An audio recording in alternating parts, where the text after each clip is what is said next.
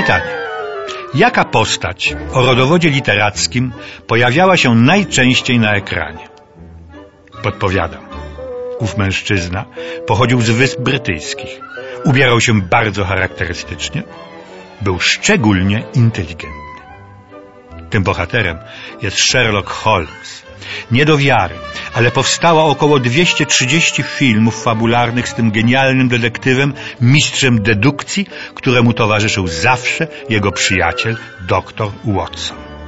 Do życia powołał ich pisarz i lekarz angielski Sir Arthur Conan Doyle, żył w latach 1859-1930, w powieści Studium w Szkarłacie.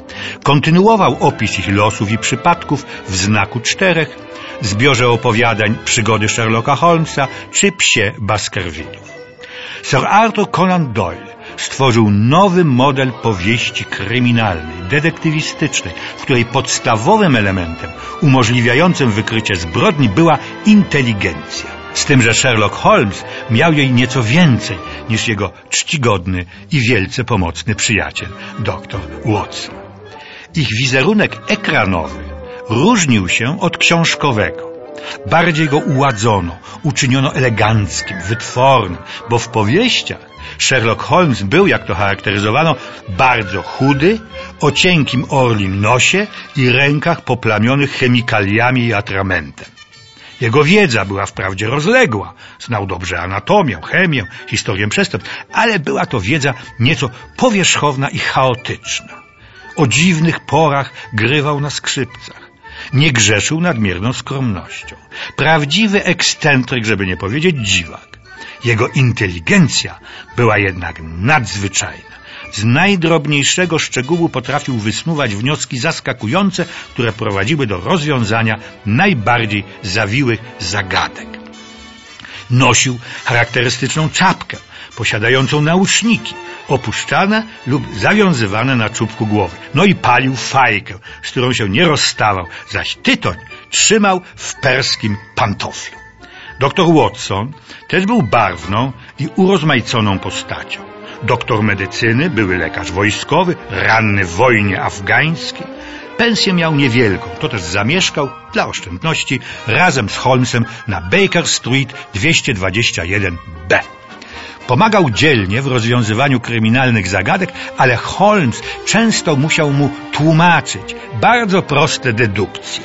Stąd ów powtarzający się zwrot Elementary, my dear Watson.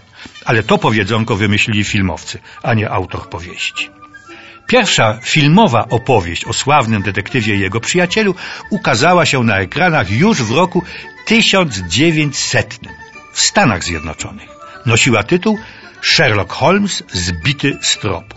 Potem na punkcie tej pary oszaleli Duńczycy, następnie Niemcy i Francuzi. Dopiero 25 film z Sherlockiem Holmesem powstał w Wielkiej Brytanii, ale w kolejnych latach Anglicy nadrobili z nawiązką to opóźnienie. Sherlocka Holmesa grało 80 aktorów.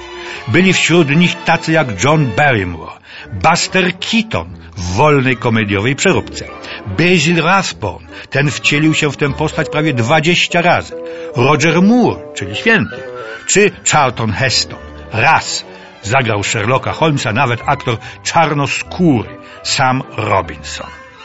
Opowieści Sir Conan Doyle'a trafiały na ekran przerabiane, upiększane, uatrakcyjniane. Zmieniali się też Sherlock Holmes i dr Watson. Ich podstawowe cechy i charaktery pozostawały jednak najczęściej niezmienione. A charakteryzuje je najcelniej anegdota, która przed laty uznana została w Wielkiej Brytanii za najlepszy dowcip świata. Oto ona. Sherlock Holmes i dr Watson wybrali się na kemping. Rozbili namiot pod niebem usłanym gwiazdami i położyli się spać. W środku nocy Holmes budzi Watsona kuksańcem w bok i pyta Watsonie, spójrz na te gwiazdy i powiedz mi, co z nich dedukujesz? Watson odpowiada Widzę miliony gwiazd. A jeśli na niebie są miliony gwiazd, to możliwe, że znajdują się wśród nich także planety. co oznacza, że prawdopodobnie niektóre przypominają Ziemię, a zatem możliwe jest na nich życie. Na co Holmes? Nie, Watsonie. Mylisz się. Ktoś nam po prostu ukradł namiot.